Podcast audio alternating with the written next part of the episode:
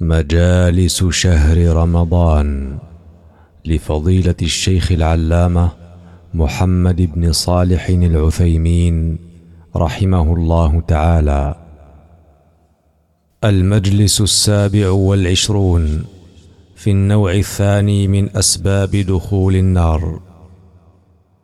الحمد لله الذي أنشأ الخلائق بقدرته وأظهر فيهم عجائب حكمته ودل بآياته على ثبوت وحدانيته قضى على العاصي بالعقوبة لمخالفته ثم دعا إلى التوبة ومن عليه بقبول توبته فأجيبوا داعي الله وسابقوا إلى جنته يغفر لكم ذنوبكم ويؤتكم كفلين من رحمته.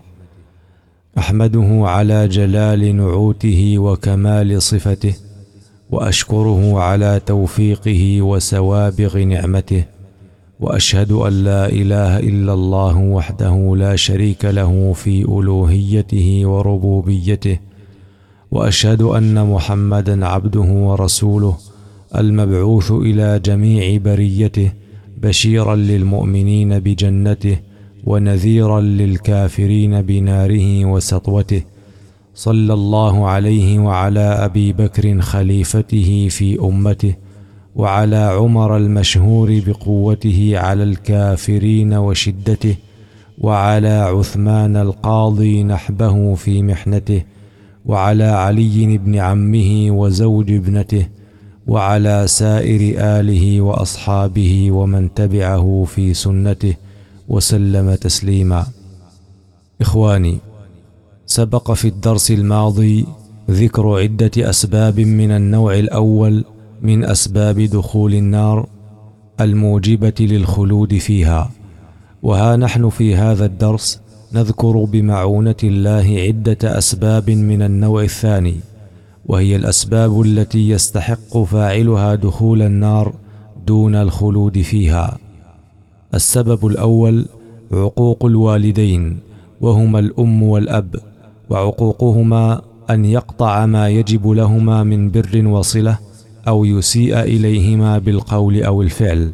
قال تعالى وقضى ربك ألا تعبدوا إلا إياه وبالوالدين إحسانا إما يبلغن عندك الكبر أحدهما أو كلاهما فلا تقل لهما أف ولا تنهرهما وقل لهما قولا كريما واخفض لهما جناح الذل من الرحمة وقل رب ارحمهما كما ربياني صغيرا.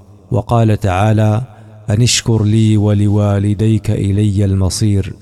وقال النبي صلى الله عليه وسلم ثلاثة قد حرم الله عليهم الجنة مدمن الخمر والعاق لوالديه والديوث الذي يقر الخبث في أهله. رواه أحمد والنسائي. السبب الثاني قطيعة الرحم.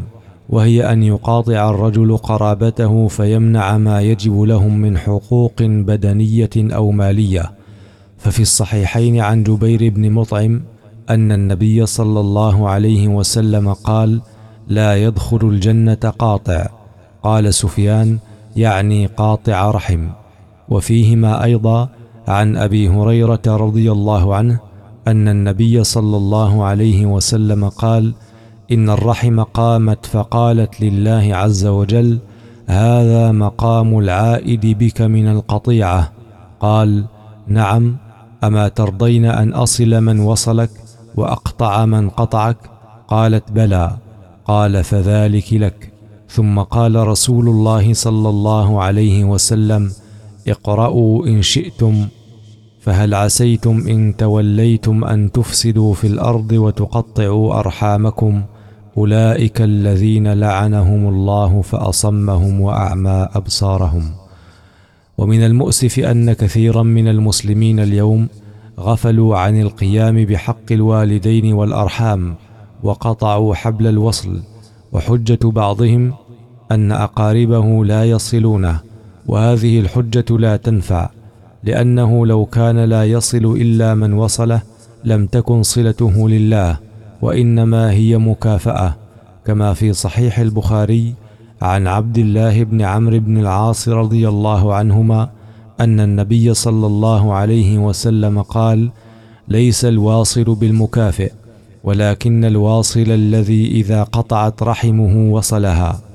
وعن أبي هريرة رضي الله عنه أن رجلا قال يا رسول الله إن لي قرابة أصلهم ويقطعونني وأحسن إليهم ويسيئون إلي وأحلم عليهم ويجهلون علي. فقال النبي صلى الله عليه وسلم إن كنت كما قلت فكأنما تسفهم المل ولا يزال معك من الله ظهير عليهم ما دمت على ذلك. رواه مسلم. وإذا وصل رحمه وهم يقطعونه فإن له العاقبة الحميدة. وسيعودون فيصلونه كما وصلهم إن أراد الله بهم خيرا. السبب الثالث أكل الربا. قال تعالى يا أيها الذين آمنوا لا تأكلوا الربا أضعافا مضاعفة واتقوا الله لعلكم تفلحون.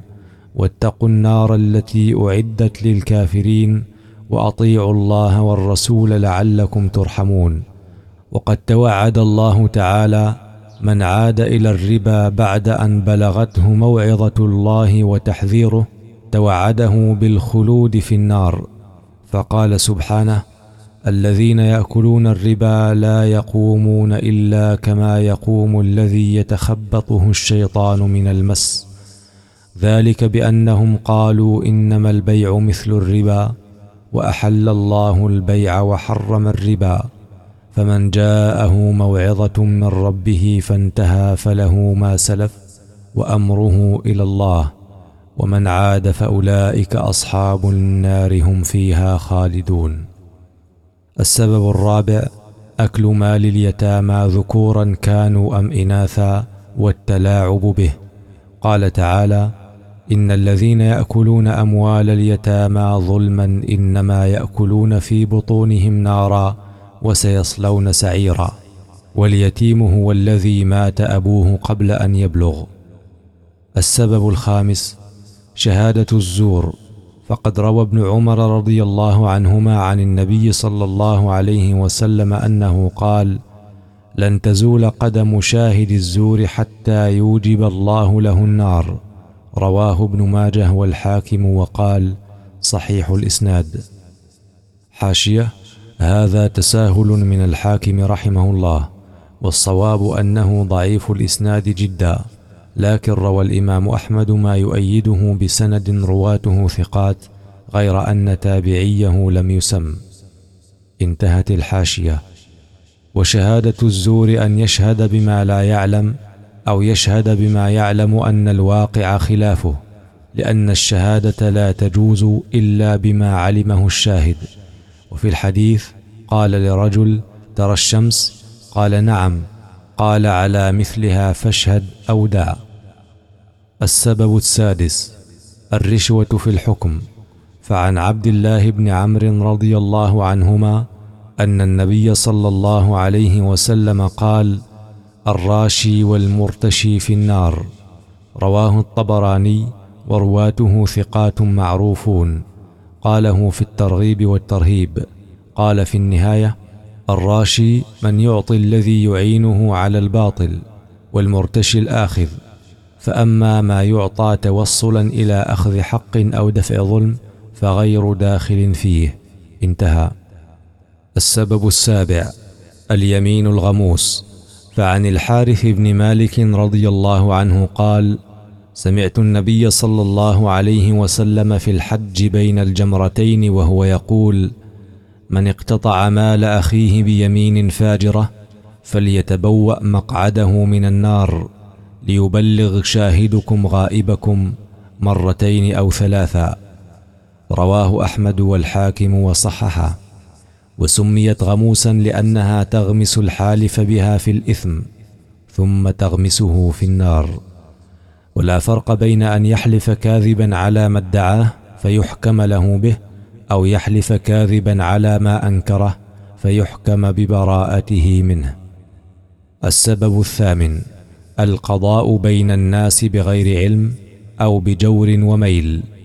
لحديث بريدة بن الحصيب رضي الله عنه أن النبي صلى الله عليه وسلم قال القضاة ثلاثة واحد في الجنة واثنان في النار. فأما الذي في الجنة فرجل عرف الحق وقضى به ورجل عرف الحق فجار في الحكم فهو في النار ورجل قضى للناس على جهل فهو في النار. رواه أبو داود والترمذي وابن ماجه. السبب التاسع الغش للرعية وعدم النصح لهم بحيث يتصرف تصرفا ليس في مصلحتهم ولا مصلحة العمل. لحديث معقل بن يسار رضي الله عنه قال سمعت النبي صلى الله عليه وسلم يقول ما من عبد يسترعيه الله على رعية يموت يوم يموت وهو غاش لرعيته إلا حرم الله عليه الجنة. متفق عليه. وهذا يعم رعاية الرجل في أهله والسلطان في سلطانه وغيرهم. لحديث ابن عمر رضي الله عنهما قال سمعت النبي صلى الله عليه وسلم يقول كلكم راع ومسؤول عن رعيته الإمام راع ومسؤول عن رعيته والرجل راع في أهله ومسؤول عن رعيته والمرأة راعية في بيت زوجها ومسؤولة عن رعيتها والخادم راع في مال سيده ومسؤول عن رعيته. وكلكم راع ومسؤول عن رعيته متفق عليه. السبب العاشر تصوير ما فيه روح من إنسان أو حيوان. فعن ابن عباس رضي الله عنهما قال سمعت النبي صلى الله عليه وسلم يقول كل مصور في النار يجعل له بكل صورة صورها نفسا فتعذبه في جهنم. رواه مسلم. وفي رواية للبخاري من صور صورة فإن الله معذبه حتى ينفخ فيها الروح وليس بنافخ فيها أبدا. فأما تصوير الأشجار والنبات والثمرات ونحوها مما يخلقه الله من الأجسام النامية فلا بأس به على قول جمهور العلماء. ومنهم من منع ذلك. لما في صحيح البخاري عن أبي هريرة رضي الله عنه قال سمعت النبي صلى الله عليه وسلم يقول قال الله عز وجل ومن أظلم ممن ذهب يخلق كخلقي فليخلقوا ذرة أو ليخلقوا حبة أو شعيرة. السبب الحادي عشر ما ثبت في الصحيحين عن حارثة بن وهب أن النبي صلى الله عليه وسلم قال ألا أخبركم بأهل النار؟ كل عتل جواظ مستكبر. فالعتل الشديد الغليظ الذي لا يلين للحق ولا للخلق والجواظ الشحيح البخيل فهو جماع مناع والمستكبر هو الذي يرد الحق ولا يتواضع للخلق. فهو يرى نفسه أعلى من الناس ويرى رأيه أصوب من الحق. السبب الثاني عشر استعمال اواني الذهب والفضة في الأكل والشرب للرجال والنساء. ففي الصحيحين من حديث أم سلمة رضي الله عنها أن النبي صلى الله عليه وسلم قال الذي يشرب في آنية الفضة إنما يجرجر في بطنه نار جهنم. وفي رواية لمسلم إن الذي يأكل أو يشرب في آنية الذهب والفضة إنما يجرجر في بطنه نار جهنم. فاحذروا إخواني أسباب دخول النار واعملوا الأسباب التي تبعدكم عنها لتفوزوا في دار القرار واعلموا أن الدنيا متاع قليل. سريعة الزوال والانهيار. واسألوا ربكم الثبات على الحق إلى الممات وأن يحشركم مع الذين أنعم الله عليهم من المؤمنين والمؤمنات. اللهم ثبتنا على الحق وتوفنا عليه واغفر لنا ولوالدينا ولجميع المسلمين برحمتك يا أرحم الراحمين. وصلى الله وسلم على نبينا محمد وعلى آله وصحبه أجمعين.